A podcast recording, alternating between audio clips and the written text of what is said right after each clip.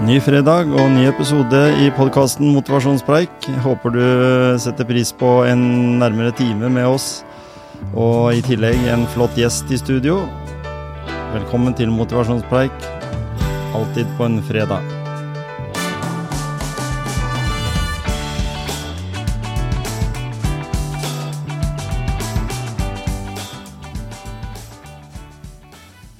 Ja, vi er nå inne i romjulsepisoden, faktisk. Eh, og derfor så vil det si at eh, denne her er jo da spilt inn rett før jul, så vi har ikke muligheten til å si hva, om vi fikk noe av det vi ønska oss til jul. Men han jeg eh, har her i studio i dag, han har vel på egentlig på en måte fått litt julepresanger i 2022. Ken André Wendel, velkommen til Motivasjonspreik. Takk for det, og takk for invitasjonen. Ja. Jeg har lyst til å lese en ting eh, før vi begynner, selv om vi skal prate litt om eh, men hvem du er, liksom sånn fra, fra starten av. Eh, men, men du, har, du, er ute på utgangspunktet gründer. Du har en app som heter Dribbler. Mm. Og den har jo fått et veldig eh, fint tilleggsnavn, har jeg funnet ut. Ok. Ja. Kom med det. Det er uh, har med å koble mennesker. Ja, Fotball, uh, fotballfamilien. ja, stemmer. Uh, 'Connecting the Football Family'. Mm. Stemmer det. Veldig fin. Den da danner jo liksom mye mer kanskje egentlig bredden i fotball òg. For vi er jo en stor fotballfamilie. Vi, vi, er en stor fotballfamilie, og det er det vi ønsker å gjøre med dribler. Ikke sant? så det er jo veldig beskrivende i forhold til hva vi ønsker å få til da, til syvende og sist. Mm. En tekst som jeg eh, beit merke i, var eh, morgenen torsdag 17.1.2019 ringte vekkerklokka som vanlig, men noe var annerledes. I samme sekund jeg våknet, merket jeg at det var noe var galt. Kroppen hadde slått seg av. Det var så vidt jeg orket å gå til toalettet. Jeg mistet stemmen og måtte sende SMS eh, til folk jeg bodde med, og den påfølgende helgen lå jeg i sofaen og stirret på samme punkt i, på veggen i to dager. Det var rett og slett slitsomt å flytte blik, blik, blikket. Kroppen hadde sagt fullstendig stopp. Og der er vi. det var 2019. Ja. Og, og det, hvorfor jeg ville ta med det sånn i starten, det var fordi det liksom gjorde noen følelser med meg som jobber med, mye med motivasjon, og med, med folk som, som, som, hører på motivasjonspreik, og de som jeg har på besøk. Eh, og egentlig en ganske sterk historie, fordi den liksom setter eh, Hva skal jeg si? Setter livet litt i perspektiv, da. At det er ikke bestandig så lett. Men da syns jeg at du skal fortelle om ting igjen før det. Du er en 1980-modell. Mm. Eh, det vil si 42 år. Ja. ja. En ung mann. ung og fremadstormende. Midt, midtveis i livet og sånn. Eh, og så litt om oppvekst, da. Hvor er det Ken André trippa sine småsko i, og fotballsko, for å si det, i, i barndommen? Det var i Larvik. Mm. Så jeg er født og oppvokst i Larvik, eh, og bodd der ja, store deler av livet, utenom tre år i Oslo og ett år i Skien, faktisk. Mm. Eh, så, og jeg spilte fotball i eh, Fram Larvik, primært. Og så har jeg vært innom noen småklubber rundt omkring. Mm. Eh, men primært Fram Larvik, da, som er min, eh, min moderklubb. Ja, og som er en gammel klubb som har lang historie. Det er, eh, det er, det er jo litt sånn strides jo mellom Vestfold og Telemark, da, ja, ja. hvem som er, er, Norges eldste fotballklubb. Mm. Eh, vi i Fram mener jo det er Fram, og ja. Odd mener det er Odd. Mm. Så der blir vi kanskje aldri enige. Men en gammel, ærverdig fotballklubb med mye sjel. Ja. Og mye potensial. Ja. Det var jo kreative og entusiastiske mennesker som deg, eh, som i sin tid eh, dro i gang fotballen. Spesielt noen som var relatert til sjømenn. Altså de dro til sjøs. Mm. Hadde erfart det, og kanskje til og med spilt for et sånt sammensatt norsk uh, sjø, sjømanns- eller si, til sjøs-lag mm. mot engelskmenn og tyskere og alt som var. Så mm. det var jo ikke så unaturlig det at fotballen kom til Norge ganske tidlig, siden vi var en sjøfartsnasjon. Stemmer det. Ja. Eh, det er i hvert fall den historien jeg har lest. og Jeg har til og med familie sjøl som, som, spilte fotball og var ute i den store verden og mm. Følte seg litt sånn halvveis profesjonelle. De fikk mm. gratis middag fordi de vant en kamp og sånn. Så Ja, det var jo tidlig betalt på, på tidlig 1900-tallet. Ja, ikke sant? Men du had, har en forhistorie i eh, da fotball. Det vokste opp i det miljøet, for å si det sånn. Jeg også har jo det personlig, selv om ikke jeg har spilt på så høyt nivå som deg, da. Mm. Så, så har man jo det, og da har du vel dannet deg noen erfaringer med, med hva som på en måte dreiv deg til dit du kom da, når det gjaldt fotball. Mm.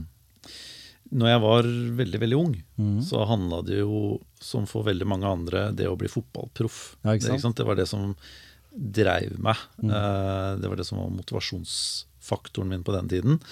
Eh, man, man satt og kikka på tippekampen på TV ikke sant? og, og fotball-VM når det var, eh, og, og så for seg at eh, jeg skulle ut på de store, de største arenaene. Det var liksom det som var drømmen.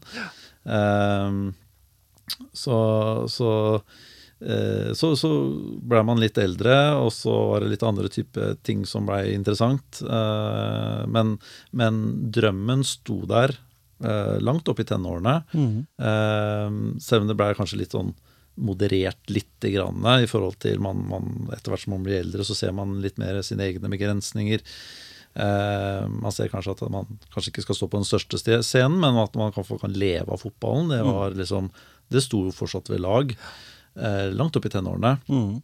Eh, men så, så, var, så var det sånn at jeg, jeg eh, hadde en tøff oppvekst eh, på mange måter. eh, spesielt i forhold til skole, eh, mobbing, mm. eh, den biten der. Eh, det, det var ikke lett. Og det medførte at jeg ble en veldig usikker person. eh, med et skadet selvbilde, veldig dårlig selvtillit. Selv om jeg var et relativt stort fotballtalent på den tiden. Og, og til og med var på landslaget i bowling og alle, alle ting. Ja. Så, så slet jeg veldig med selvtilliten. Mm. Eh, og det vokste seg bare sterkere og sterkere. Eh, jeg tok ikke tak i det. Det var ingen rundt meg som tok tak i det. Jeg delte det heller ikke med noen. Eh, og, og det endte jo med da, at det ble en veldig kort fotballkarriere. eh, til tross for et stort talent. Så jeg la vel opp eh, i en alder av 21, var det vel. Um, og det, det er jo veldig trist å tenke på ettertid, når man på en måte har fått utdelt et relativt stort talent. ja, ikke sant? Eh, at man ikke har fått, eh, fått, fått ut sitt potensial. Da.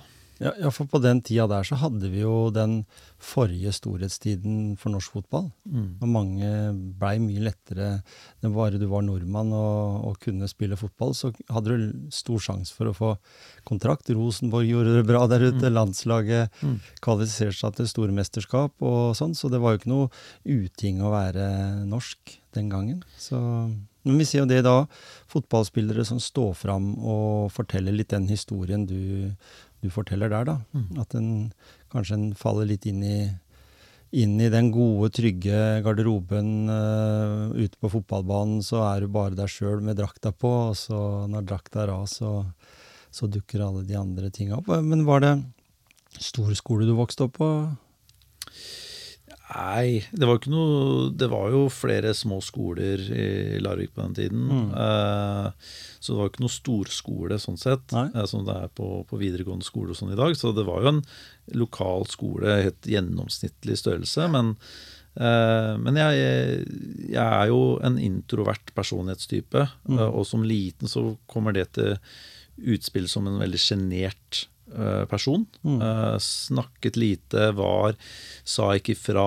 eh, og, og ble et ganske lett bytte, da, for å si det på den måten, for de som eh, var litt i andre enden, og som Mm. skulle tøffe seg og, og finne noen som de kunne, kunne få ut sin usikkerhet ovenfor. Ikke sant. Eh, ikke sant? Så, eh, så, så det Jeg brukte mye av min tid på å nærmest slåss meg gjennom eh, å forsvare meg selv. Mm. Eh, ikke sant? Og når du hører mange nok ganger at eh, du er stygg, du er teit, du ikke har noe verdi, så tror man på det. Mm. Og, og det er altså noe man drar med seg gjennom store deler av livet, Mm. eh, også som voksen. Og det er mye jobb som må gjøres for å på en måte overbevise seg selv om at de eh, ordene og det du hørte gjennom alle årene som liten, ikke Det, det er ikke sant. Nei, ikke sant. Det var det du, men, men du, du, du, valgte jo også eh, ta en utdannelse som på en måte stilte litt krav til deg, da. Altså, og du gikk jo veien eh, inn i en, inn i en uh, utdanning som kanskje, ja, som en sier, var mer prestasjoner, det var mer press. Mm. Eh, BI. Mm. Stemmer det, og, og, men det tok lang tid. Uh, jeg jeg droppa jo i praksis ut av videregående. Mm. Uh, jeg avslutta uh, den, den, prosessen før den skulle være ferdig, for å si det sånn. Så jeg ville bare ut og, i arbeidslivet, begynne å tjene penger. og på den tiden var altså fotballkarrieren på hell, så, så, jeg hadde det ikke noe særlig bra. Så, men jeg tenkte at ok, jeg må prøve en ny arena. så jeg kom inn i byggebransjen. Mm. Uh, og det er jo en arena som ikke passer meg i det hele tatt. Men det var helt tilfeldig at det var der jeg havnet. Det ga meg en, en inntekt, mm. og så var jeg fornøyd med det. og på den tiden så har man ikke de perspektivene, de refleksjonene rundt livet og fremtid. Man lever mer i nuet enn det vi gjør nå når jeg er 42. Mm. så Eh, tiden gikk, og, og, fant ut etter hvert at dette her var ikke noe for meg. Uh, jeg begynte å grue meg til jobb, og sånn hadde jeg det i veldig veldig mange år. Uh, og så kom da finanskrisen i 07-08. Mm. Uh, og da åpnet, åpnet, det seg opp en mulighet til å gjøre et skifte igjen i livet. Og da hadde jeg blitt såpass moden at det, fra å gå da fra Jeg skal aldri mer gå på skole Eh, det sa jeg til alle ja. når jeg slutta på videregående og noen år etterpå. Jeg skal, jeg, akademi er ikke noe for meg. Jeg er ikke noen akademiker. Eh, til å på en måte begynne da på, på BI i 08, eh, det er en stor overgang. Mm. Uh, og er, den prosessen der er jo en historie i seg selv. Mm. Men det ble kanskje litt respektert på en annen måte ved at du hadde yrkesbakgrunn og hadde blitt noen år eldre, kanskje? At det var enklere? Ja, altså får man etter hvert som man blir eldre, så ser man på livet med litt andre øyne. Man får litt mm. mer perspektiv, man er, blir litt mer reflektert. Mm. Eh, man tenker litt lengre fremover enn når man er tenåring. Eh, så jeg hadde jo alltid, alltid hatt en interesse for, for økonomi, mm. eh, men også eiendomsmegling. Uh, og det var det egentlig derfor jeg begynte på BI. Det var for å bli eiendomsmegler. Og så var det første året på BI som medførte at jeg fant ut at jeg hadde en, en kjærlighet for juss.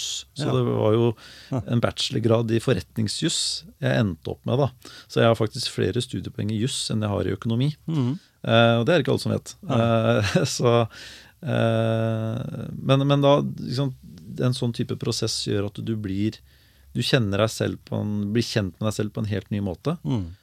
og det er en fantastisk følelse. og, og, og, og den, den den prosessen på BI fra 08 til 11, den var, den var utrolig krevende. Mm. Eh, men, men, jeg har lært utrolig mye og, og, ble kjent med meg selv på en helt ny måte. Og eh, gikk ut derfra med en utrolig god selvtillit. Mm. For første gang i livet. For det var jo da du starta å eh, på en måte grave litt i egen personlighet, på en måte. Mm. Eh, var da du ble opptatt av å, å, på en måte bygge selvfølelse, få en bedre selvtillit. Mm. Eh, hvis jeg nevner Mia Tørnblom, så har du vel eh, noe å fortelle der, var det ikke det? Det var liksom kanskje litt starten? Det, det var litt starten. Eh, det startet jo Mia Tørnblom har jo skrevet en bok mm. som heter 'Selvfølelse nå', som eh, jeg har lest, og, jeg, og der hun skriver om noen eh, verktøy som mm. hun har brukt, og som hun bruker også overfor sine klienter, eh, og som jeg har brukt aktivt. Mm. Eh, jeg kommer litt tilbake til det, men eh, som har funket veldig bra for meg. men eh, tilbake til det var, jo, det var jo romjulen 07. Det var jo da jeg var på det, mitt aller, aller laveste i livet. Eh, hvor alt hadde raknet. Jeg hadde hatt disse utfordringene i barndommen og oppveksten. Mm. Jeg hadde hatt en jobb over flere år jeg ikke trivdes i. Eh, og jeg hadde opplevd et samlivsbrudd. Jeg hadde eh, utfordrende samarbeid med moren til min eldste datter. Jeg har to barn. Mm. Og så hadde jeg da også møtt en, en ny jente, hvor jeg, vi hadde fått et barn. Så, så, det var mye som hadde skjedd på kort tid. Mm. Eh, og så flyttet vi til Larvik i 07, eh, tidlig 07. Og, og, først gikk det veldig, veldig bra, og så begynte det å skjære seg. Og så kom vi til høsten 07. Hadde eid den leiligheten i bare noen måneder. Og så kom finanskrisen veltende innover landet. Mm. Og, så, og så ble det samlivsbrudd. Eh, og så blei det veldig det ble veldig stygt samlivsbrudd. Det blei ble mye det ble utfordrende i forhold til eh, barnefordeling og osv. Så, videre. så Og jeg var på et veldig veldig dårlig sted i livet på den tiden, så jeg gjorde mange dårlige valg eh, overfor meg selv og, og andre. Mm. Eh, og ofte noe du gjør når du er langt nede. Du, du tenker ikke rasjonelt. Du, eh, du gjør dårlige valg. Så, eh, men dette gikk så meg at jeg blei sykemeldt. Ja. Eh, og var i møte med bedriftshelsetjenesten og arbeidsgiveren min på den tiden. Og følte jeg ble møtt med forståelse for arbeidsgiver. Eh, så jeg var sykemeldt et par måneder. Og så kom jeg tilbake på jobb i desember 07. Og, og, og kjente at jobben min, det var liksom, selv om jeg, det var ikke en jobb jeg trivdes veldig godt i, men jeg hadde overfor kollegaene mine. Mm. Så øh, jeg, jeg så på en måte frem til å komme tilbake rett før jul, jobbe noen dager, få juleferie, og så starte på igjen i, i 08 med litt sånn blanke ark. da. Så jeg hadde vært på jobb noen dager etter sykemeldingen. Og så ble jeg kalt inn på sjefens kontor. Og så, lang historie kort, så får jeg beskjed om at jeg har mista jobben. Midt i den eh, verste perioden i mitt liv, hvor jobben var det eneste halmstrået jeg hadde igjen Mm. en uke før jul med to barn, eh, som jeg også heller ikke fikk se på den tiden pga. utfordringer med, med, med, med mødrene osv. Så, eh, jeg husker jeg kom ned fra det møtet, og så møter jeg noen kollegaer, og de sier 'Ken, er du, er du syk?' Så jeg nei. Du er jo likbleik. Uh, ja, jeg har akkurat mista jobben, sa jeg. Og de, altså håret reiser seg på armen når jeg snakker om det. De bare, de visste jo hva slags situasjon jeg sto i. Ehm, så, så jeg kom jo hjem, og alt rakna. Ikke sant? Eh, jeg hadde ingenting mer å leve for. Fikk, på den tiden så følte du at jeg hadde mista barna mine, sånn i gåsetegn. Ja, ikke sant? Det kom en jul, fikk ikke se barna mine. Jeg hadde mista jobben, jeg var økonomisk ruinert. Jeg måtte selge en leilighet med flere hundre tusen i tap. Alle sparepengene mine var borte. Ehm, satt med en gjeld på flere hundre tusen. Eh, følte jeg ikke hadde noen ting å, å leve for. Jeg hadde også problematiske forhold hjemme med, med familie, relasjoner, ikke sant. Så, så på den, den julen der, eh, det var tøft, altså. Eh, og da, da var jeg helt, helt nede i kjelleren, og det holdt på å gå fryktelig gærent. Men den romjulen, eh, det var vel et par dager før, før nyttårsaften, så, så tok jeg et valg, og jeg valgte da livet. Um, og, og det jeg begynte å, tenke, begynte å gjøre, var å begynte å reflektere tilbake. Hvorfor har jeg havnet i denne situasjonen her nå? Og så begynte jeg å sånn peke innover. I stedet for å peke utover, så er det veldig lett å gjøre i sånne situasjoner. Mm. Det er han eller hennes feil. Ditt og datt har skjedd. ikke sant? Jeg pekte innover. Hva er det jeg har gjort? Jo, så kom jeg på det at jeg, så, jeg det at jeg har jo tenkt negativt i alle år. Mm. Ikke sant? Det er liksom, jeg har alltid hatt en sånn negativ inngang og eg- negativ tilnærming til alle ting jeg skulle gjøre. Eh, og så kommer jeg fra et miljø, eh, fra min egen familie, hvor det har vært litt sånn overtro i gåsetegn. om at det, hvis du tenker positivt, så blir du jinxa. Ikke sant? Ja, sånn, ja. Ikke sant? Så, så det har jeg på en måte lært meg. At hvis du er positiv, så kan du bli jinxa. Så det er bedre å tenke negativt, og så får, blir du positivt overraska. Og når du da har en sånn type tilnærming til det meste, så får du, blir du veldig negativ. Mm. Og når du da er negativ, så er det ekstremt vanskelig å oppleve noe positivt. Ikke sant? Så det jeg bestemte meg for da, den romjula, eh, to dager før nyttårsaften, at vet du hva, nå er det nytt år. så skrev jeg et sånt eh, type dokument. Prosjekt 08 kalte jeg det.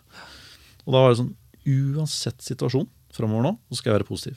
Uansett hvor dårlig livet mitt er, hvor mye motgang jeg møter, jeg skal uansett være positiv. Så du måtte jo, jeg måtte sånn, i begynnelsen være sånn, litt sånn overfladisk. da. Litt sånn, ikke sant? Måtte tvinge deg sjøl til å være positiv. Mm.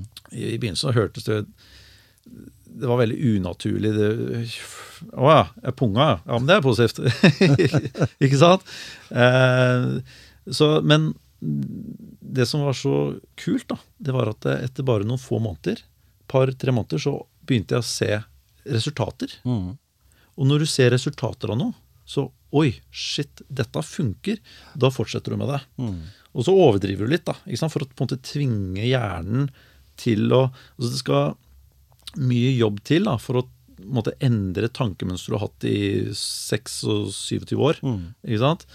Um, så det første som skjedde da, etter to-tre måneder inn i 08, det var jo at eh, han lederen som hadde gitt meg sparken, da, han fikk sparken sjøl. Og så fikk jeg tilbud om å få jobben tilbake. Mm.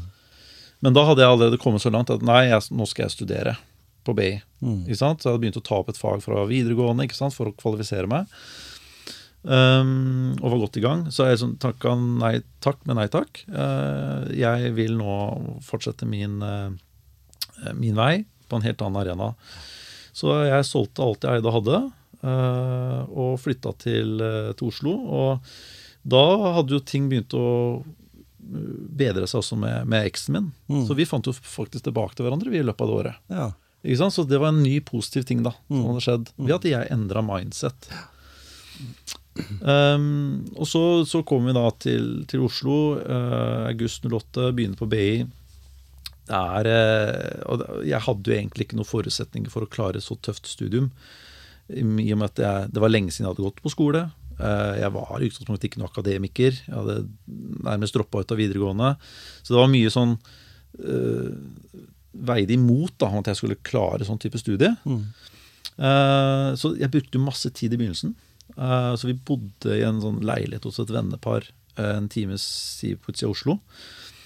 Uh, og så kommer vi da til et par uker før første eksamen på BI. Og så kom jeg hjem, og så var da min samboer og dattera mi var borte. Da hadde de fått nok, eller min eks, da. Eh, vi hadde prøvd, det funka ikke. De ble sittende for mye alene, så de hadde flytta tilbake til Skien. Og nærmest uten eh, å gi beskjed for, i forhånd. Eh, så, så det gikk jo fryktelig inn på meg. Ja. Eh, og, og, det medførte jo da at jeg, jeg strøyk da to, på to eksamener på første, i første semester på BI. Så i løpet av det første året på BI så, så slutta jeg i gåsetegn tre ganger. Eh, Jeg gikk ut av BI. Så dette her er for tøft. Jeg, jeg takler det ikke. Det er altfor vanskelig. Det er altfor mye jobb. Så jeg hadde slutta. Men så var det et eller annet da, som gjorde at jeg kom tilbake på skolen dagen etterpå. Alle tre gangene. Og, og, og satte meg ned og jobba. Og lang historie kort, så gikk jeg da ut av BI to og et halvt år etterpå. Definert som en elitestudent. Mm. Så jeg har gått fra å stryke til å gå ut som en elitestudent. Og det er en jobb her, da.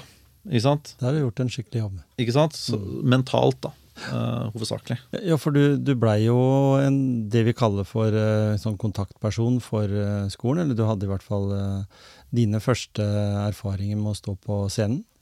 Ja, eh, det var vel det andre året, hvis jeg ikke husker helt feil, så, så skulle vi ha en eh, ny tillitsvalgt, som det het. Eller eh, klassekontakt, som det også het. Mm. Så skulle det være en, eh, en bro da mellom studentene og administrasjonen Ja, på skolen. Mm. Eh, og jeg vet ikke hva som Jeg hadde ikke bestemt meg på forhånd at dette ønska jeg å gjøre, men, eh, men eh, det sto vel en lærer og en fra administrasjonen på, på klasser i, forelesningssalen og spurte er det noen som melder seg. Så kikka jeg rundt, ingen hender i været, og så bare strakk armen seg opp. Helt automatisk. Mm. Og jeg visste jo ikke hva det innebar. Så liksom, ja, ja, det er flott, da har vi én. Ikke sant? Så det var ikke store konkurransen. Nei, nei, det er aldri det. Det er sjelden Det er veldig, veldig synd, egentlig. For jeg har også sittet som sånn representant på noen fagskole jeg gikk på. Det var egentlig veldig gøy. Det ble Ja. Ble, du så liksom hele systemet litt fra andre sida òg? Ja, eh, i etterkant så angrer jeg jo ikke. Nei. Eh, Men så, så ble jeg tatt med opp, da. Så eh, fikk jeg jo fort da vite at da, da må du stå foran klassen og snakke og, og ta opp ting. Og eh, en gang i uka var det vel. Mm. Og da fikk jo jeg helt noia, for det, det verste jeg visste på den tiden, det var å stå foran folk og prate. Ehm, så, så det var min verste skrekk. Og jeg, visste, jeg tenkte ikke på at det innebar at det var en del av jobben. Nei, ikke sant? Så, så det, det er klart at eh, da, da gikk jeg noen runder med meg selv, og det var mye mental jobbing. Mm. eh, for å på en måte, Jeg kunne ikke gå tilbake på det. Jeg måtte liksom bare Ok, jeg, jeg er ikke en som gir meg. Nei. Ikke sant? Så når jeg har sagt jeg skal gjøre det, så, så gjør jeg det. Så, men da brukte jeg mye visualisering Mm. for å på en måte komme igjennom det arbeidet. Og det var en fantastisk opplevelse. Ja, for den, den teknologien, eller hvis en kan kalle det det, den måten å gjøre det på Vi har jo hatt i tidligere episoder her, vi snakka litt rundt dette her med alpinutøvere, f.eks., som, som kjører slalåmløypa. Visualiserer den. Eh, en tidligere kompanjong her i podkasten, Gisle, han eh, lærte seg å svømme, han, ved å ligge på sofaen Mm. og visualisere. Mm. Og, og det er jo forska på at det er jo enkelt, enkelte muskelgrupper i tillegg til hjernen som på en måte blir trigga av at du visualiserer. Så du, du ga mye av deg sjøl, og du sier jo det her at du utvikla deg mye på den tida. Mm. Du, du takla motgang på en annen måte enn det du hadde gjort tidligere i livet. Mm. Eh, du begynte kanskje å bearbeide også det som hadde vært eh, de arra fra barndommen din. At Mm. de blei mer og mer fjerne. Jeg, jeg pleide noen ganger å si det at samle saml alt dette her eh, grumset oppi en boks, og så sett den til side. Ikke kast det, men liksom ikke ha det der hver eneste dag. Mm. For det kan jo være sånn sikkert at du ripper opp i det hver gang. At du, du hører at ja, hva var det jeg sa, ikke sant? Mm. Og hva var det vi sa om, om det du, du Altså du, når du gjør sånne forsøk og den ikke lykkes, en vil helt sikkert tenke både jantelov og mange andre ting Mm. i et samfunn som Norge, da. Som, som selv om du har vokst opp i Larvik, så er det jo ganske så uh, på den tida òg, og som det var når jeg vokste opp, så var det mye sånn Det som skjedde, det skjedde i gata, og alle visste alt om alle og hva som skjedde. Mm. Så det blir litt sånn å, å, å dekke til. Mm. Eh, da hadde du vært i, i Oslo, eller du studerte. Du fikk toppkarakter. Mm. Veldig bra å komme ut derfra. Mm. Da gikk du inn i bankverden, Ja. eller? Ja, det stemmer bra. Det Jeg hadde egentlig tenkt å ta siviløkonomstudiet, Mm. eh, men også under BI-tiden så hadde jeg fått, eh, fått litt bedre forhold til, eh, til mødrene til barna mine. Mm.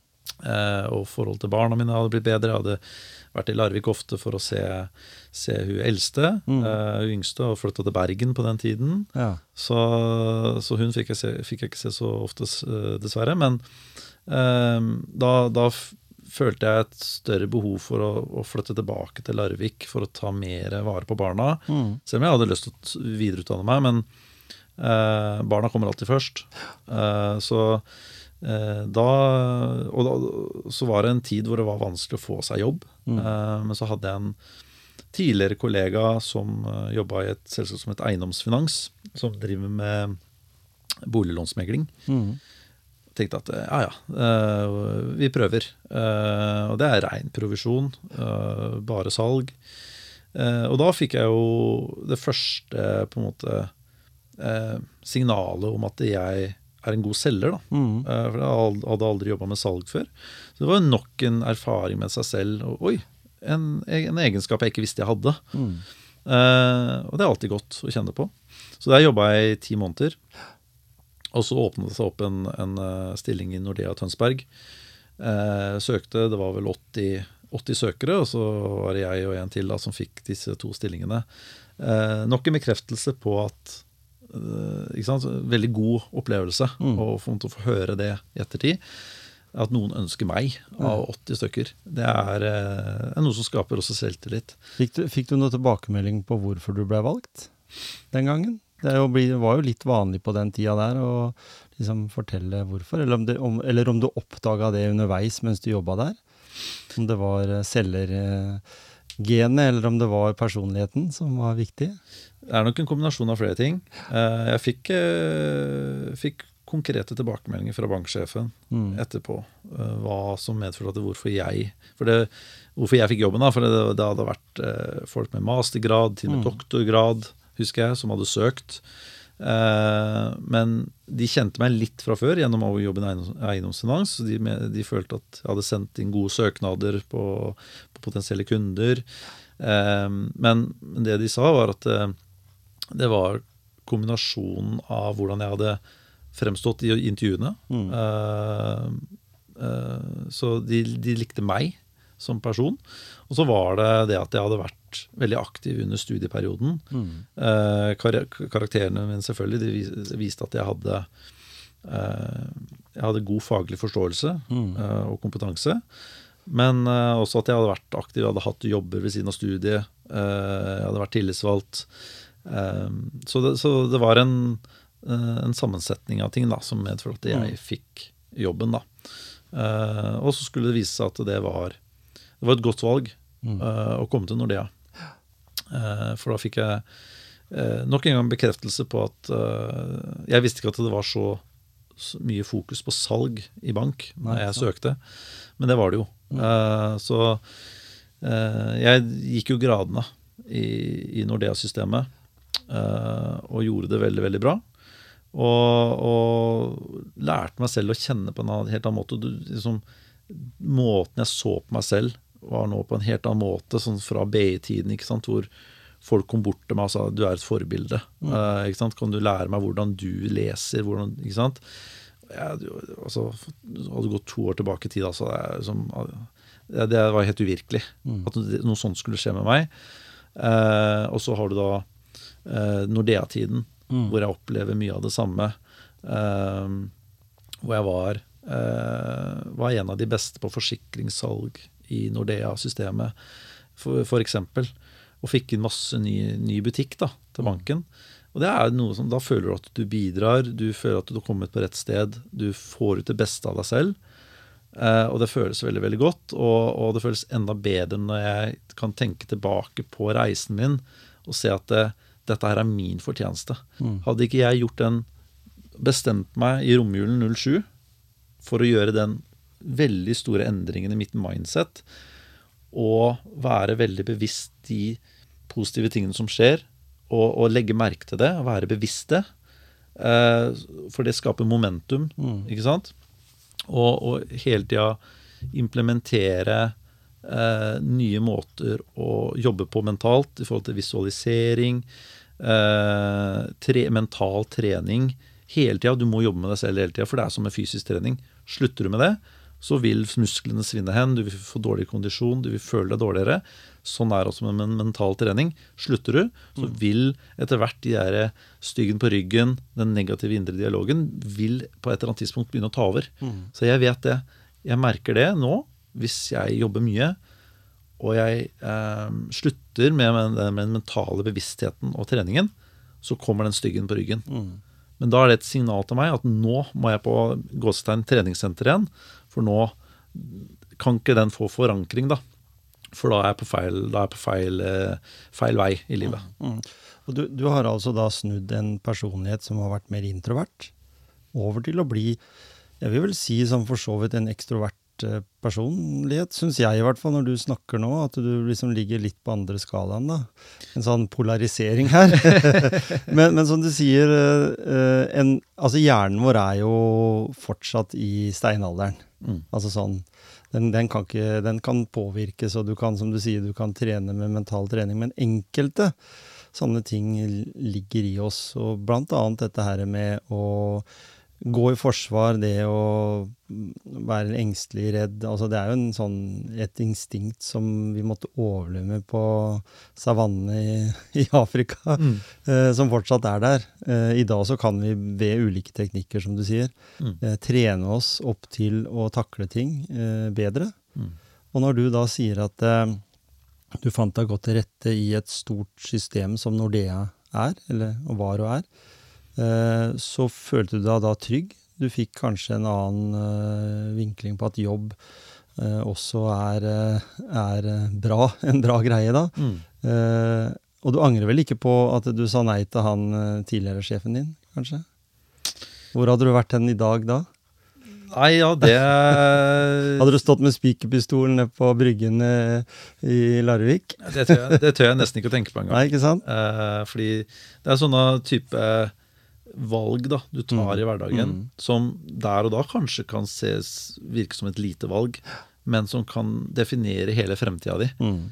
Eh, så det er viktig å på en måte gå noen runder med seg selv, Mm. høre med noen rundt deg, men, men jeg tror det er viktig å, altså, viktig å stole på seg sjøl Ja. eh, i forhold til sånne type valg. fordi når jeg begynte på BI som 27-åring, eh, så var det, mm, var det noen skeptiske røster rundt meg. Ikke sant? Som bare Nei, du, du er jo ikke noen akademiker. Altså, det, det, kommer du til å klare det, da, Ken? Er det ikke bedre å bare få seg en jobb, da? Ikke sant? Du får disse små dryppene Mm. som kan gjøre deg usikker. Ikke sant? Så tenker jeg, å ja, ja, kanskje, ja, kanskje de har rett. Ikke sant? Mm. Men heldigvis så hadde jeg da i løpet av de månedene kommet så langt at nei, jeg har bestemt meg. Og, og det var litt av det som var motivasjonsfaktoren de tre gangene jeg Mm. i gåstein hadde slutta på BI. At det ikke pokker om de skal få rett. Nei. Ikke sant? Jeg skal gjennomføre, og jeg skal gjennomføre med stil. Mm. Eh, og vise dem at jo, jeg er en akademiker. Jeg, eh, dette studiet er noe for meg, Mm. og jeg klarer det. Og det var da jeg gikk med vitnemål i hånda, eh, som fortsatt står i stua, som en sånn påminnelse. Mm. Gå ut av BI med det vitnemålet og vite det at jeg hadde rett, de tok feil, det er utrolig deilig. For det for selvverdet og på en måte at du, du skaper og bygger en trygghet i deg selv. Da, at Mm. de beslutningene du tar, det er faktisk ganske bra. Um, så så det, det handler om å ikke, ikke alltid lytte til disse små dryppene du får fra, som ikke er så veldig reflekterte Mm. uh, rundt deg, men stå i det. Ja, for det er jo, det er jo sånn at uh, vennene dine også kan jo komme med det, med, altså, med det som bare god hensikt i utgangspunktet. Uh, dette at uh, burde ikke du heller finne deg en jobb liksom, og tjene penger og, og sånt noe. Det, men det er allikevel en sånn eh, greie som skal fortelle deg på en måte at uh, vi vil gi deg, ikke mer, vi gi deg mer enn både, bare, det rådet. Mm. Vi vil også si til deg at det, du må på en måte gjøre et enklere valg. Et enklere valg for deg og det livet du, du går inn i. da. Mm. Uh, og da når vi tar med oss uh, den mentale treninga som du har jobba med, uh, visualiseringa, uh, motgangen i livet ditt, Mm. så, så har det jo på en måte kanskje blitt uh, Det er en som heter Frank Beck, eller nå er det en som heter uh, Gyrid eh, Beck Solberg, som er sånn mentaltrener, som, som tok med seg et, en læresetning som er det er, det er meg sjøl det kommer an på. Eller det er meg det kommer an på. Mm. Så kan jeg si Kan det stemme litt uh, overfor deg, da? Hvis jeg sier at det er det, det deg det kommer an på? Det, er, eh, det stemmer 100 Ikke sant? Ja, eh, ut ifra også det jeg selv har erfart. Ja. Det er, eh, man, man kan ikke sitte og peke på alt andre omstendigheter. Og jeg kan sitte her nå eh, som, som gründer og, og, og grunnlegger av, av dribler. Mm. Og, og hvis det skulle gå galt, så kan jeg godt sitte og peke på en pandemi. Mm. Eller eventuelt noen samarbeidspartnere eller noen kollegaer eller hva det enn måtte være. Som Krig ikke har gjort Ukraina. krig i Ukraina. Ikke sant? Men til syvende og sist Mm. så er det mitt ansvar. Ja. Det er mitt ansvar. Og ok, kommer det en pandemi, Mm. så må du jobbe deg rundt den pandemien. da. Ja, det kommer en krig. Jobb deg rundt den krigen. da. Finn løsninger. Mm. Det er mitt ansvar. Jeg kan ikke sitte meg ned i sofaen og Ja, nei, jeg får ikke gjort noe, for nå er det en pandemi. Eller nå er det den krigen. Altså, Da har du jo tapt, da. Så du må finne løsninger rundt. Og det handler om mindset, og du begynner alltid med deg selv. Mm. Og, og det handler ikke bare om du er gründer, men det handler om på alle arenaer i livet. Eksempel, min viktigste jobb i livet er å være en god far. Mm. Det, det overgår gründerjobben. Mm. Eh, da må du sitte og, og, og du, Hvis dattera di har gjort en feil, så må du peke på deg sjøl. Liksom, ok, Hvorfor gjorde hun den feilen? Kunne jeg vært i forkant? Kunne jeg hatt en prat med henne? Et eller annet du som far, eller jeg som far, kunne ha gjort for å unnverga eller avverge at hun gjorde den feilen. Ikke sant? Så istedenfor å sitte og bare peke på henne og kjefte på henne, Mm. først pek innover mot meg selv, Ok, her har jeg kanskje gjort en feil som far. Mm. Eh, ikke sant? Og da, når du da, da tar en prat med dattera di, så har du en helt annen uh, tilnærming enn det å bare sitte og kjefte uh, og peke utover på henne. Eh, men også ta litt selvkritikk. Mm. Og det å innrømme at en eh, kan gjøre feil, Mm.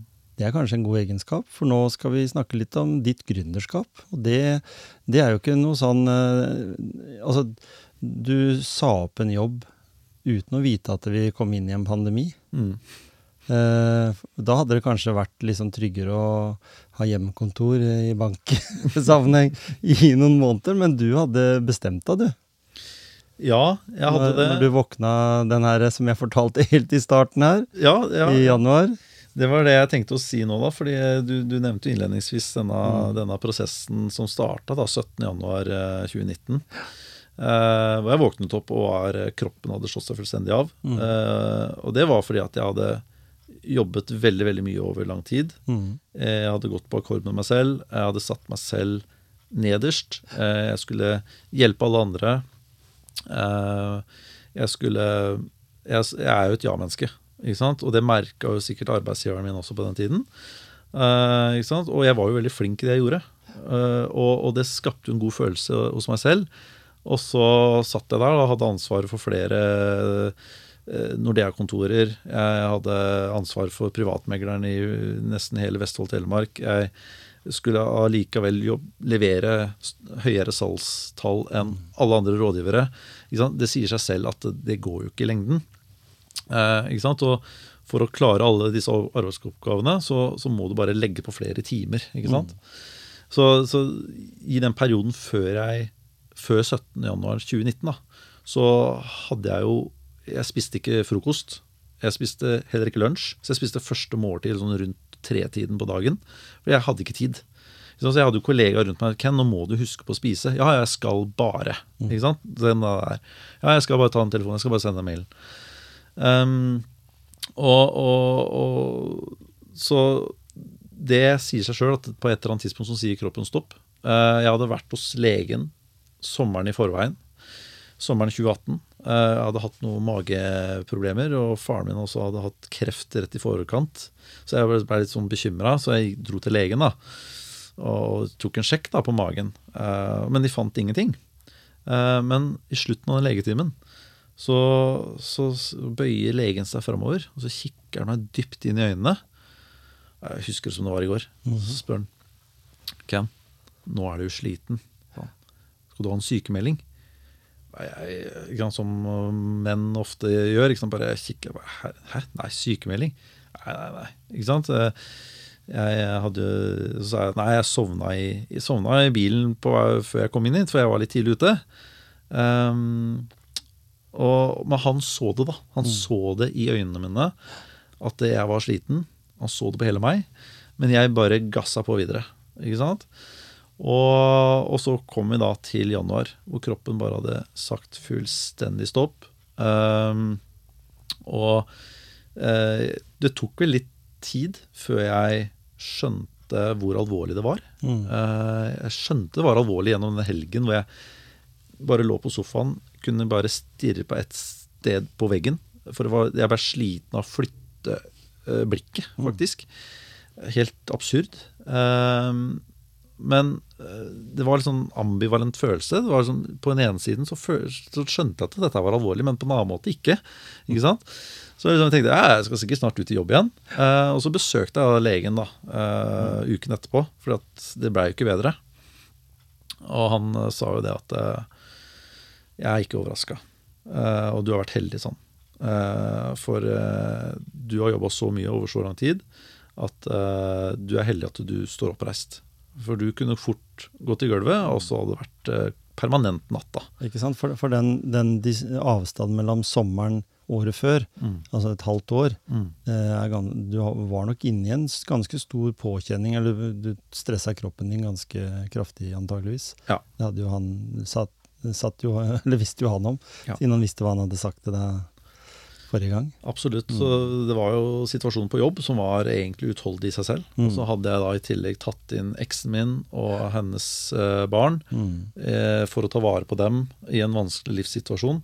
Eh, på den tiden et år. Eh, og i en trang, liten leilighet. Eh, og, og ta vare på et menneske da som, som virkelig trengte meg mm, oppå all den jobben. Ikke sant? Det sier seg sjøl at du Men jeg, jeg følte meg som sånn supermenneske ikke sant? Og, og bare fløyt. Uh, og så tok man ikke signalene. Og, og til syvende og sist så sitter man der. uh, og det er det jeg sier, at du må alltid ta vare på deg selv før du kan ta vare på andre. Ja. Du må, liksom. Og det er det jeg har lært av den prosessen her. Så, så gjennom, uh, gjennom 2019, da når jeg var sykemeldt Så det blei jo en lang, langvarig sykemelding etter hvert, for jeg fant, jeg, kreftene kom jo ikke tilbake før, før på sommeren. Og da jeg fikk denne ideen om dribler, da. Eh, så jeg, liksom, når de gode dagene kom, så jobba jeg litt med dette her med en forretningsplan og tok noen telefoner eh, rundt til fotballklubber og liksom pitcha ideen litt sånn eh, kort, og, og fikk noen tilbakemeldinger. Og så kom vi til eh, november-desember, eh, og da kjente jeg at nå begynte energien å så, Nå er jeg der jeg Altså 80% i hvert fall. Eh, Men på den tiden så hadde jeg fått meg en jobb i Nordea Oslo, eh, i Nordea Liv, som salgsleder. Og det, tanken på å komme tilbake på jobb og pendle til Oslo hver dag, den, eh, den var tung. Mm. Det hadde jeg ikke veldig lyst til. Så, så det blei litt eh, feil for meg. Så jeg gikk i dialog med Nordea. Og så sa jeg at eh, jeg tror det er best for begge parter at vi skiller veier. Ehm, så i desember da, så inngikk vi en, da, en sluttpakke, en avtale om at vi går hvert til vårt. Eh, og så lite visste jeg da, som du sa, at eh, pandemien kom tre måneder etterpå. Ja, Ja. men det kunne vi jo ikke regne med. Og du var jo allerede da over det meste av den uh, utbrentheten, hvis vi skal kalle det det, eller at du var langt ned i kjelleren. Mm. Eh, og jeg har jo alltid sagt, og er jo i den oppfatninga For jeg har jo hatt 35 jobber på 35 år. Mm. Og jeg sier ja, ja, er du så rastløs? Er du så, ja, hva, er det som gjør det, liksom? Det, og min greie er at jeg er nysgjerrig. Mm. Og jeg har hatt flere jobber på en gang, så jeg liksom kan ha tre jobber, i hvert fall spesielt innen, når du begynner å jobbe inn i helsevesenet, som jeg har gjort i 14 år. Så, så har jeg vært lenge der, men allikevel hatt forskjellige jobber. Og, og for meg så er det hele tida søken etter det som er den såkalte drømmejobben, da. Altså det som, som du på en måte så som drømmejobben når du begynte i Nordea, Mm. men som et, etter hvert blei en sånn ja, alle arbeidsoppgavene blei en vane. Du var en god selger, du var på toppen der, og du følte falt vel ikke en- langt nok ned. liksom. Du fikk ikke roa deg, og du skulle ta deg av familie og alt også. Mm. Eh, veldig imponert over at du da, når du kommer på høsten og, og gjennom fra sommeren av, begynner å tenke gründertanke, eller du begynner å tenke på dribler da, som, som en greie. Da fikk du kanskje gravd litt i dine tidligere fotballkolleger, eller i hvert fall de tidligere fotballkarrieren. da, Selv om du slutta med den tidligere, så, så hadde du jo ikke Du var ikke helt blank når det gjaldt fotball. Nei, det var jeg ikke. Nei, ikke sant? Eh, litt erfaring hadde jeg jo, eh, og det er jo mye av det som De erfaringene som danner grunnlaget for dribler. Mm. Eh, de utfordringene jeg opplevde, og som fortsatt er en del av fotballindustrien. Sant? Eh, det har jo ikke endret seg så fryktelig mye på de, de årene, Mm. eh, selv om det begynner å bli mange år. Så, så det, det danner mye av grunnlaget for, eh, for eh, ideen, da. Ja. De, jeg ønsker jo å gi fotballspillere muligheter jeg aldri fikk. Nei? Ja, det blir jo det. Ja. Men, når du, men når du da, Ken André, står der plutselig da etter en lengre tids sykemelding, du får en sluttpakke fra banken, Mm. eh, og så skal du begynne å snakke med mennesker du aldri har snakka med før. Ja. Helt nye ansikter, helt nye mennesker som kanskje har en litt annen oppfatning av, av dem, for, fordi du, du får jo en baby. Du går jo gravid med den her hele høsten og så innover, og så skal du presentere den for noen, fordi du vet jo at det her må man jo ha penger for å realisere. Så, såpass Inni de systemene der hadde du jo vært fra den jobben du hadde òg. Mm. Du visste jo at det, dette her ikke gikk an å få i gang uten å, å snakke med de rette folka. Stemmer det. Eh, måtte du endre noe der? Altså Jobba du fortsatt med den, den mentale treninga eh, basert på visualisering og, og sånt? Mm. Det, det, gjorde jeg, og det, jo, det, har jo vært en rekordlang graviditet. da. ja, ikke sant? Det, det, har ikke vært det er som elefantene, det. ja, det, det har vært eh, tungt å bære. Eh, eh, og paradoksalt nok, da, kan man jo si, så velger man en gründertilværelse etter man mm. har vært utbrent. Ja. Det, er jo, det, er jo, galskap, mm.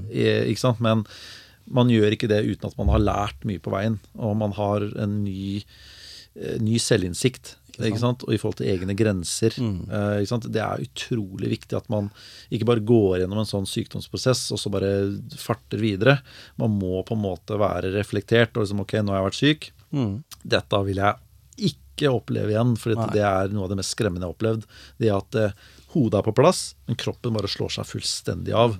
Eh, da kan du trene så mye mentalt du bare vil, altså, men når kroppen sier stopp, da, da er det stopp. Altså. Mm.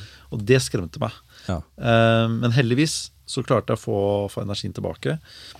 Eh, og, og, ja, jeg brukte veldig mye mental trening også når jeg skulle, da skulle ut på en helt ny arena. Mm. Eh, og, og begynne å hente penger. Uh, prate med investorer, prate med ganske profilerte mennesker. Lille meg, som mm. ringer til Jostein Flo og Thomas Berntsen. Ja, ja. og sant, Disse folka du har sett opp til. Uh, de vet ikke hvem jeg er, jeg vet veldig godt hvem de er. Og, og det er sånn Det kjenner du på kroppen, altså. Mm. Uh, så, så, jeg brukte mye visualisering. Litt ja. sånn som jeg gjorde på BI. og det det funker så bra. altså fordi at du, Det jeg gjør da, er jo å prøve å se for meg en setting jeg skal inn i, f.eks. Mm. med en investor. da. Så, så, bruker jeg veldig mye tid i forkant, selvfølgelig på presentasjonsmateriale, og sørger for at jeg er trygg i det. Mm. Men det holder ikke. For du må se for deg omgivelsene, du må se for deg Du går gjennom møtet på forhånd oppi hodet. Ikke nødvendigvis nødvendig hva som blir sagt til punkt og prikke, men litt sånn omgivelser. At folk sitter og smiler, mm. man tar hverandre i hendene, man sitter og, og nikker. Og, og, ikke sant? At det er en god stemning. Og når du gjør det mange nok ganger før et møte, og du kommer inn i det, så går du med en da, Hjernen klarer ikke å skille mellom hva som er fantasi og virkelighet. Det er jo som Hvis du tenker veldig triste tanker på noen Kanskje at du mister barnet ditt eller foreldrene dine. Mm. Hvis du tenker på det over tid, så blir du veldig trist og lei deg. Mm. For at Hjernen tenker at nå har dette her skjedd. Ja, ikke sant? Så du begynner å gråte. ikke sant? Uh, og Det er det skuespillerne bruker. ikke sant? Mm. Når de skal liksom fake, liksom, så tenker de på litt sånn kjipe tanker. For hjernen klarer ikke å skille det. Og hvis du bruker det omvendt, da, på en veldig positiv måte, mm. og, og ser for deg positive bilder om framtida di, eller om det er et spesielt møte, så tror gjerne at Oi, dette her, dette her har du gjort før. Mm. Dette her klarer du. Ikke sant? Dette mestrer du. Mm. Så når du da går inn i det møtet, så går du inn med veldig lave skuldre. Eh, du ser for deg hvordan dette her kommer til å gå. Og som regel da så vil det skje, det du har på en måte sett for deg. Mm. Det, det, det, trenger ikke bety at du alltid får en investering, eller sånt, men møtet blir bra. Og det er det jeg alltid sier, at det, så lenge jeg går inn i et møte og har gjort det jeg skal, da får jeg ikke gjort det mer. Nei. Og Hvis jeg kan gå ut av det møtet, og det har vært god stemning, jeg har sagt det jeg skal si, jeg har gjort det jeg skal gjøre, mm. da er det opp til tilfeldighetene, mm. eh, resten. Eh, men hvis jeg går inn i et møte og er litt sånn Jeg er overnervøs, jeg er usikker på hva jeg skal si, jeg fremstår usikker, mm. og jeg går ut etterpå Å, herregud, dette var et dårlig møte og det ikke blir investering, da blir jeg veldig streng med meg sjøl. Mm. Nå har ikke du gjort gode nok eh, forberedelser. Heldigvis har jeg ikke opplevd det. Eh, så, så, det ligger veldig veldig mye eh, suksess da, ligger veldig veldig mye i forberedelser. Mm. Og, du, og du, går jo inn, du går jo inn i en sånn rolle, som en kan kalle det der. Da, inn, da, da må du jo ha eh, lidenskap, entusiasme, du må ha sånne ting som på en måte gjør at idet du kommer inn i rommet mm. Du skal møte Jostein Flo, eller du skal møte en annen profilert eh, fotballeder, da, og så skal de Ut fra det de blir påvirka fra alle kanaler. Mm. Eh, og de har blitt påvirka. Spesielt kanskje gutter som har hatt en karriere også. Så har de liksom litt i bagasjen også som de har med seg. Så så du må jo være ganske trygg på det du kommer med. De må, de må skjønne at du, dette her har du innunder huden, Mm. siden du kan gå derfra da. Og, og akkurat den eh, mindsettet du har der, og den måten du tenker på, den er som en toppidrettsutøver Mm. i den situasjonen du er der. Mm. Du henter antageligvis opp de evnene du ikke tok i bruk eh, ved at du slutta med fotball. Mm. uh, der du kunne blitt en landslagsspiller og du kunne blitt en, en toppspiller, liksom. En proff, kanskje, som du også hadde som en drøm. Mm. Hvis du hadde vært flinkere på å visualisere og, og gjø- tenke på den måten der den gangen du var ung, da. Jeg vet ikke, jeg bare føler at det, når, når jeg tenker du presenterer det der, og, og måten du får respons på, gjør at det, det ligger litt der. Idrett og næringsliv er jo ikke så veldig forskjellig. Det er helt korrekt. Og, og gründerskap er jo toppidrett. Og, Ja, ikke sant? og Kanskje mer, fordi du, du får ikke cash på bordet før du har skikkelig levert. det, er, det er eh, toppidrett og ekstremsport på samme tid. Ikke sant? Ja, Det er det det er. det er, det er det, og det- det er så eh, Det er helt riktig det du sier. Mm. Uh, og bare et eksempel i forhold til et investormøte jeg, jeg, jeg var med i eh, for et års tid tilbake. Eh, jeg hadde fått tips om en potensiell ny investor. Og jeg sendte vedkommende en mail at det er hyggelig at du vil ta en prat, og så får du avtale tidspunkt. Og så fikk jeg svar tilbake om at eh, ja, jeg er nysgjerrig, men skeptisk. Mhm. Og da vekker du noe i meg. Da blir det sånn Ha, han her skal jeg klare å snu. Det er mitt mål med det møtet da. Mm. Det er Da setter jeg meg et mål for møtet. Mål for møtet er at han skal, jeg, han, han skal ønske å fortsette dialogen med meg. Jeg skal klare å snu den såpass mye. Mm. Skape en interesse. Um, så, så vi gjennomførte møtet på, på Teams. Det var jo i koronatida, dette her. Og så går jeg gjennom presentasjonen. Og så spør jeg ja, hva, hva tenker du nå, da? Så ble det helt stille i andre enden, og så sa han wow, dette her var noe helt annet enn det han hadde sett for seg. Jeg går inn med 200 000, jeg. sa. Ja. Der og da. Og det er sånn snu en som er skeptisk i utgangspunktet, som er, kanskje ikke vil ta møtet, til å investere der og da i møtet. Mm. Wow, det er eh, kraftfullt. Og det handler om mentaliteten og måten du går inn på i, i møtet. Mm. Fordi at det er veldig lett da, og når du får den mailen, skeptisk Å ja. Hvis du da tenker negativt, da. Ikke sant? Tenker, ja, nei, da får jeg jo ikke han. Nei. Jeg kan i hvert fall gjennomføre møtet og så se hva som skjer. Og så har du den derre Du har ikke energien da, når du går inn i møtet. Ikke sant? Så du skal bare gjennomføre møtet for å gjennomføre møtet. Så hadde det mest sannsynlig ikke blitt noe. Mm. Nei. For at han hadde ikke blitt tent på ideen. Han hadde ikke blitt tent på deg som, in, som uh, gründer. Uh, han hadde ikke sett energien din. Og, og da, da har du ikke lyst til å investere heller. Så, men når du da snur på den tilnærmingen bare, Han skal jeg pokker meg snu, altså. Da har du den energien, mm. og da smitter det over. Og så endte det da med, med investering. Eh, og det er det de aller fleste som har investert, sier at eh, ja, kjem, dribler er et kjempefett og kult konsept med kjempepotensial, men vi investerer i deg. Mhm. Og det er så kult å høre. Det er som, da blir jeg nesten rørt når jeg hører det også. For at det, eh, og det er viktig, for at gründeren er driveren i dette her. Mm. Og jeg er imponert over det at du får skapt også den samme kjemien gjennom Teams. Ja. Eh, du har jo fått et, eh, i positivt sammenheng, fått et rykte på deg da, nå for å være en som er flink til å få med deg investorene. Du sa det jo nettopp, at du, de investerer i deg. Mm. Eh, Du er en av de få i Norge som faktisk har fått støtte fra Innovasjon Norge, er hele fem ganger. Fem ganger, ja. Ja. Det viser jo at de som sitter med eh, malen for hva vi bør satse penger på, eh, og hva ikke, Mm.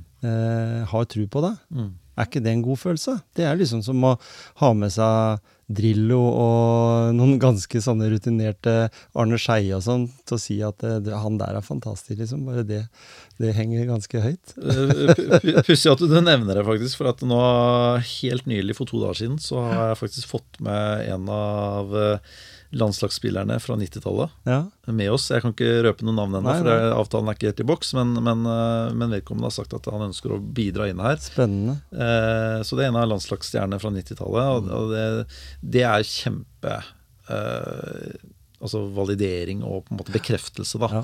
ikke sant, At uh, disse gutta og, vil være med og, og kan være døråpnere videre. Ja. Men det er klart, ja, eh, Innovasjon Norge er, har vært en kjempeviktig bidragsyter her. Og, og det handler jo mye om den verdibaserte profilen vår. Jeg, jeg bygger jo et verdifokusert eh, konsept og, og bedrift. Ja. Eh, så eh, det er nok mye av det de liker. Mm. Eh, og det, det kommer godt med å ha en sånn type eh, ressurs, da, eller med oss. Det Det tror jeg har mye å si. Jeg husker jo sjøl, når du snakker om det, liksom, så husker jeg jo sjøl Jeg var på Fornebu. Det var i 2017, nei 2016 eller 2017. Skulle ha møte med Drillo. Eh, Jeg satt der med Lars Kjernås, og så ringer Drillo, og så sier eh, han- Vi skulle møtes et sted, han var litt usikker på hvor det var. Ja, vi er på Egon. Så sier Lars til meg at du, stikk og hent den, da. Den eh, gåturen fra Egon og langs Ullevål stadion i den gata der, og skulle møte Drillo, det er den mest spennende adrenalinbyggende situasjoner jeg har vært i, når du liksom begynner å planlegge hvordan tar jeg imot Egil Drillo Olsen. Liksom, han, for meg så liksom kanskje verdens beste fotballtrener fra Norge. ja. Jeg er jo den generasjonen. Og, men han var jo bare Egil. Så, så det er det en må liksom tenke litt òg, at disse her menneskene her de er jo veldig forbilder for mange, og, og, og at en kan bli litt starstruck. Men det var jo bare Egil. Så jeg sitter hjemme hos han og drikker kaffe på privaten og ikke tenkt på at det var Egil Drillo Olsen. Så, men allikevel tror jeg absolutt at det kan motivere deg, andre og tidligere eh, landslagsspillere til eh, å gjøre riktig valg. Mm. For eh, det er ikke tvil om at dribler er en spennende eh, som eh, som vi sier i Gründerpodden Provencia, for du er med i en episode der, faktisk første episode. Eh, og der sier du at det, dette er jo LinkedIn, Mm. bare nå i fotballverden. Jeg la jo fram, når du kom her, så la jeg fram det som var dribler i 1970-tallet, altså fotballkort. Du har kommet litt lenger. Eh, si litt om dribler som konsept. Hva, nå har vi snakka litt rundt deg og mental trening og, og sånn, men Mm. si litt om dribler, for det er sikkert noen som er nysgjerrig på å vite hva det er.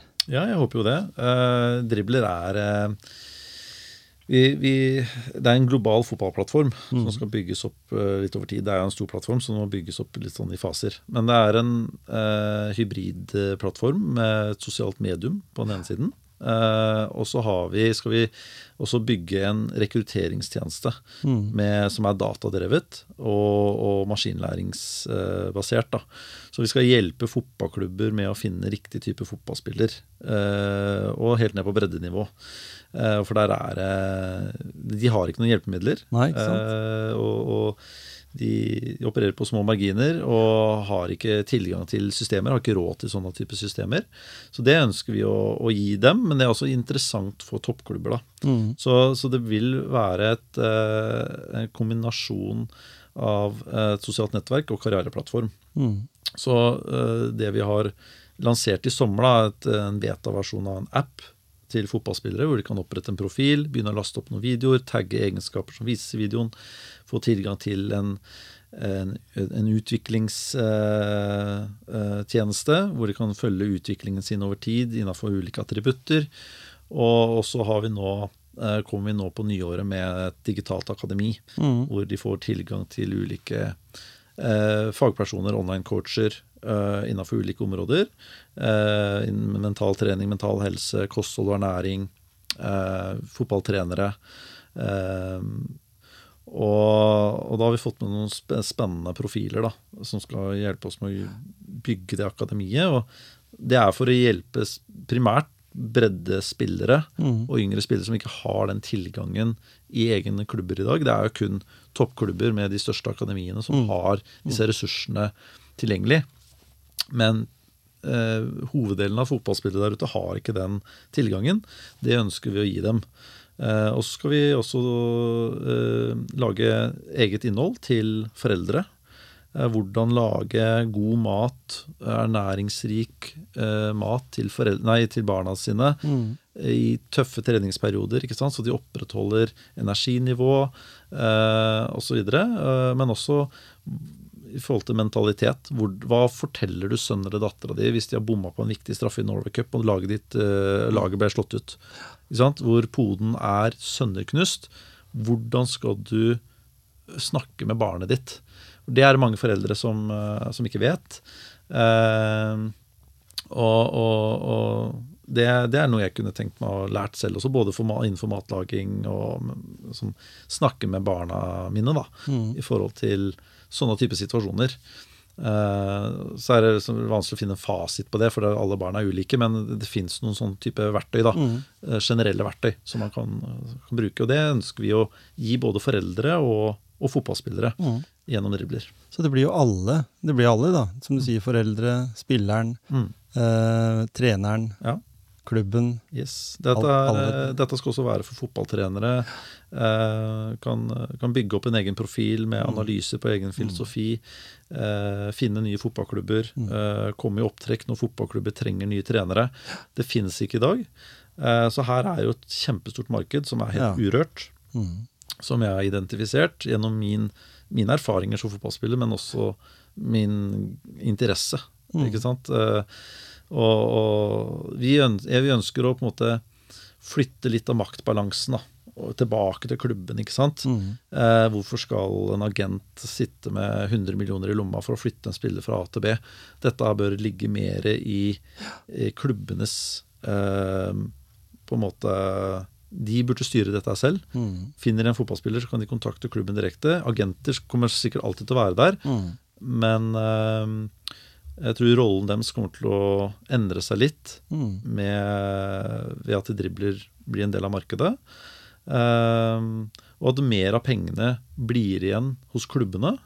Og hvor man kan utvikle klubber og mm. barne- og breddeidretten. Mm. Det, blir, det, blir, nesten et lite samfunnsansvar, det. Det blir det. Så det blir sånn til deg, Kristian Thon, og til uh, Eh, Hans Ole Groa bl.a., fotballtrenere fra lokale klubber her i Grenland. Nå må dere kjøre på, for dere slåss jo om de samme spillerne. kan kanskje dere kan kikke litt over, over fylkesgrensa, så, så fins det mange andre òg. Eller, eller, bare regne med at, eh, at, folk vil komme til grenlandsområdet og spille fotball på breddenivå også. Absolutt. Det er andre elementer. fordi du, som du sier, eh, du blir jo ansvarlig her for å bygge opp for, fortroligheten, altså, eller den, den Altså det, de elementene som du har brukt, da.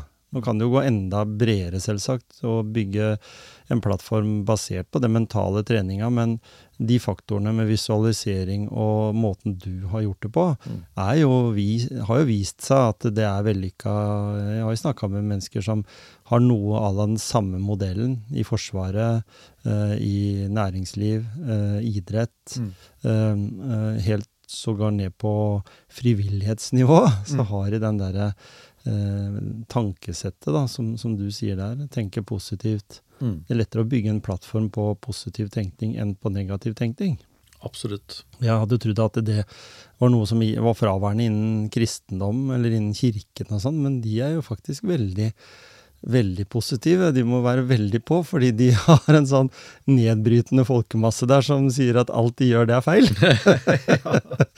Eh, så det, det, det, står det veldig respekt av. Uh, visualisering og, og, dette her. Og sånn Helt mot slutten vil jeg gjerne vite litt om hvilken gode tips, i tillegg til det vi har snakka om nå, du kunne gi til, eh, til en gründer. da. Mm. Må, hva skal han finne liksom, tross er i en, en, motgangsfase? For det vil han jo oppleve. Du får jo ikke Eller du har jo sagt det tidligere også, du får jo ikke et ja hver gang. Nei, det gjør ikke det. Du får, jeg også, mm. får flere nei enn jeg får ja. Litt støvsugerceller? Ja. Mm. Du, og, og du, du, må bare Altså, det jeg tenker hver gang jeg får et nei, eller hvis jeg har en dårlig periode, som alle andre mennesker mm. det, det, hjelper aldri å grave seg ned nei. og tenke negativt. Det er, sånn, det, er sånn, det jeg baserer hele livet mitt på nå. Mm. Det er sånn, Uansett hvor mye motgang jeg får, så hjelper ikke å tenke negativt. Du må bare se videre, ha fokus. Og fokus er så utrolig viktig. Og det er som Anja Hammerseng Edin sier. ikke sant? Mm. fokus er trenbart, og det er det. Mm. ikke sant? Det er, uh, så det er uh, Ha fokus på neste arbeidsoppgave. Mm. Ok, du fikk nei. Du får ikke gjort noe med det nå. Nei, ikke sant? Det er, det er historie. Neste telefon. Hva kan jeg gjøre i dag for å øke sannsynligheten for suksess? Mm. Den, den arbeidsmetodikken kjører jeg hver dag. Jeg står opp, så lager jeg en liste, sender til meg sjøl på mail. Ok, hva, Og så har jeg overskriften. Hva kan jeg gjøre i dag for å øke sannsynligheten for suksess? Og jeg kan ha fått tre nei dagen i forveien. Uh, så er det, ok, da skriver jeg opp en liste, og så evaluerer jeg på slutten av dagen. Jeg følger den lista gjennom dagen. Og så evaluerer jeg. Hvorfor fikk jeg ikke gjort de siste to punktene, f.eks.? Ok, da flytter jeg det til dagen etterpå, da. Mm. Eh, og da har du fokus. Ikke sant? Da, da er det sånn eh, Før jeg skulle inn i møte med han fra landslagsspilleren fra 90-tallet, Ja, så sjekka jeg mailen min, og så hadde jeg fått tre nei fra potensielle investorer. Mm. Bare ti minutter før det møtet. Er det veldig lett å liksom å, ikke sant? Bli, falle litt sammen. Mm. Men da bare Ok, nå har jeg fokus på, på det vedkommende jeg skal møte med nå. Så jeg får få med han, da. Mm. Og så leverte jeg et fantastisk bra møte. Og det har da resultert i da at eh, han blir med Mm. i en eller annen form. Så, så fokus er så utrolig viktig. Fokus på hva du skal gjøre de neste arbeidsoppgavene. Gi blaffen i det som skjer. Mm. Eh, og så, så handler det om, det handler om disiplin. Mm. Den mailen og å få inn gode rutiner. Det handler om disiplin. Utholdenhet. Du må være utholden. Uh, får du nei, så ja, ja. Da jobber vi videre, da. Mm. Det handler om utholdenhet. Må den lista være lang over de du jobber mot? Nei. Uh, I forhold til de punktene Ja, nei, jeg tenkte på sånn Du sier jo det at du får noen nei. Ja. Er det sånn at du sender ut 100 mail, eller er det sånn at du er dedikert til at den og den og den har jeg lyst til å samarbeide med? Er du på det nivået? Vi, det, det er noe vi har erfart i den siste emisjonsprosessen nå. Mm. er At eh, det er så viktig, og viktigere enn vi trodde, er å finne tak i de riktige investorene. Ja, ikke sant? Eh, fordi det er mange investorer vi snakker med, som, som digger konseptet, og som ser at Han ene investoren eh, sa bl.a. at dette er så gjennomtenkt som det kan få blitt. Mm. Og, men dere kan ikke gi avkastning på kapitalen Nei. Før om så og så lenge. Jeg har en investeringsprofil som krever det halvparten av tida. Så på bakgrunn av det så kan vi ikke fortsette dialogen. Eller jeg har ikke en CTO i gründerteamet mitt. Det var en annen som sa fantastisk konsept, men du må ha det først. Mm. Ikke det er har sånne bokser du må tikke av på. Og, og Derfor så ønsker vi å få tak i folk som kan investere litt mer med hjertet. Ja. Som, som forstår markedet, konseptet bedre, og som selvfølgelig skal ha avkastning på kapitalen. Mm. Men ikke i løpet av 14 dager. Ikke i løpet av 14 dager, som, men som vil gjøre det for at ok, dette her trenger faktisk fotballindustrien. Eh, og går inn med, med det som på en måte eh, hovedbakgrunn, da. Ja. Eh, eller motivasjon. Mm. Men at de også selvfølgelig ser at de skal få, få avkastning eh, på kapitalen. Så det er viktig at de har en liten fot, eller en liten tå i hvert fall, innafor. Eller kjennskapen til lagidrett, og, og kanskje spesielt fotball, da. Det, det er også viktig. Mm. Uh, så, så det er det vi på en måte prøver å måte sikte oss inn på nå. Mm. Sånne type investorer. Ja. Så, så, så tror jeg det er viktig at man har en god del ydmykhet.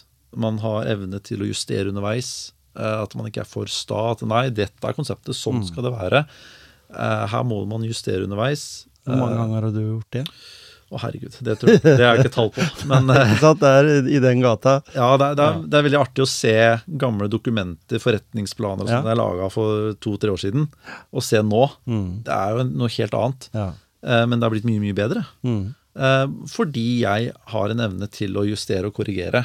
Eh, så man må være ydmyk. Eh, dette med ansvarlighet er en viktig verdi i mitt liv. Mm. Og det tror jeg er viktig at man måte peker innover før man begynner å peke utover. Fordi da lærer man. Uh, og feil Å feile er, det er bra. Uh, jeg liker å feile, fordi da vet jeg at nå har jeg lært noe. Så da reduserer jeg sannsynligheten for å feile neste gang. Ja. Så det er liksom Den mentaliteten der tror jeg er viktig. Uh, og så bare bestemme seg. Og, og så tror jeg folk altfor mange mennesker der ute tenker for mye på hva folk tenker om deg. Mm. Det, det må du bare drite i. Uh, satse, og så litt sånn lukke øynene, og så uh, bare gønne på. Uh, Ikke sant? ja.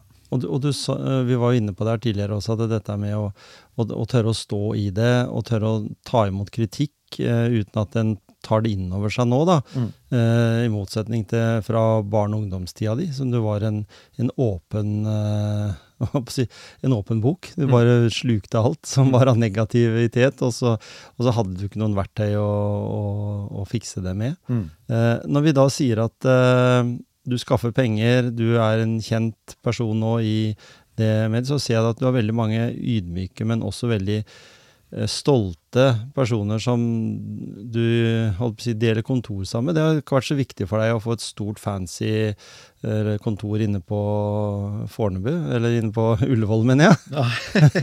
men, men, du er i kontorfellesskap i sånn Colab, blant annet?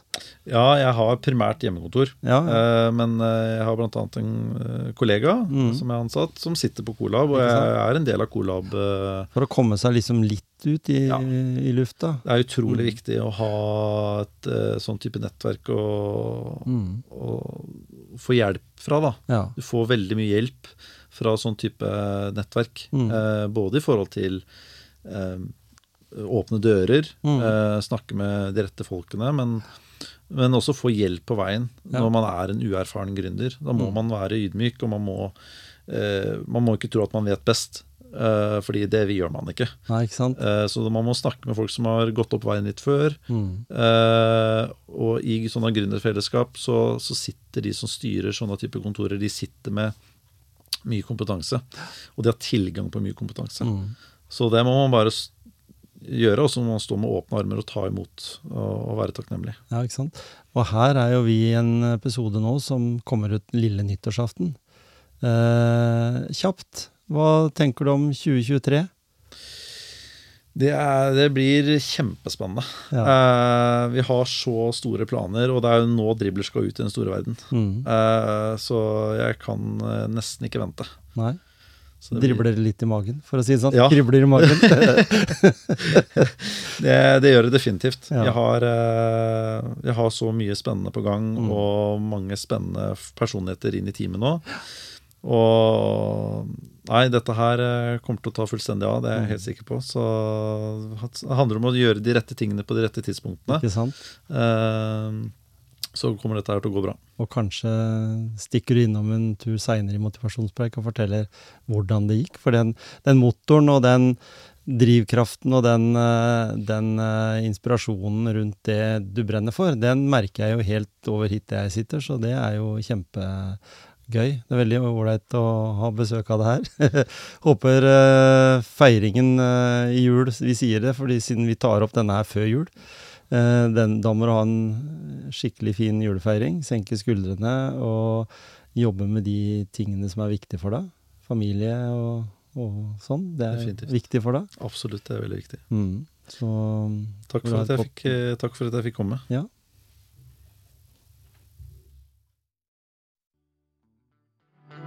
Takk for at du har lyttet på en ny episode fra Motivasjonspreik. Vi eh, håper at du også lytter til en av våre andre podkastepisoder som ligger ute på alle mulige avspillere. Velkommen tilbake neste fredag. Mitt navn er Tom Kjetil Olsen, og jeg har ledet deg gjennom denne podkasten.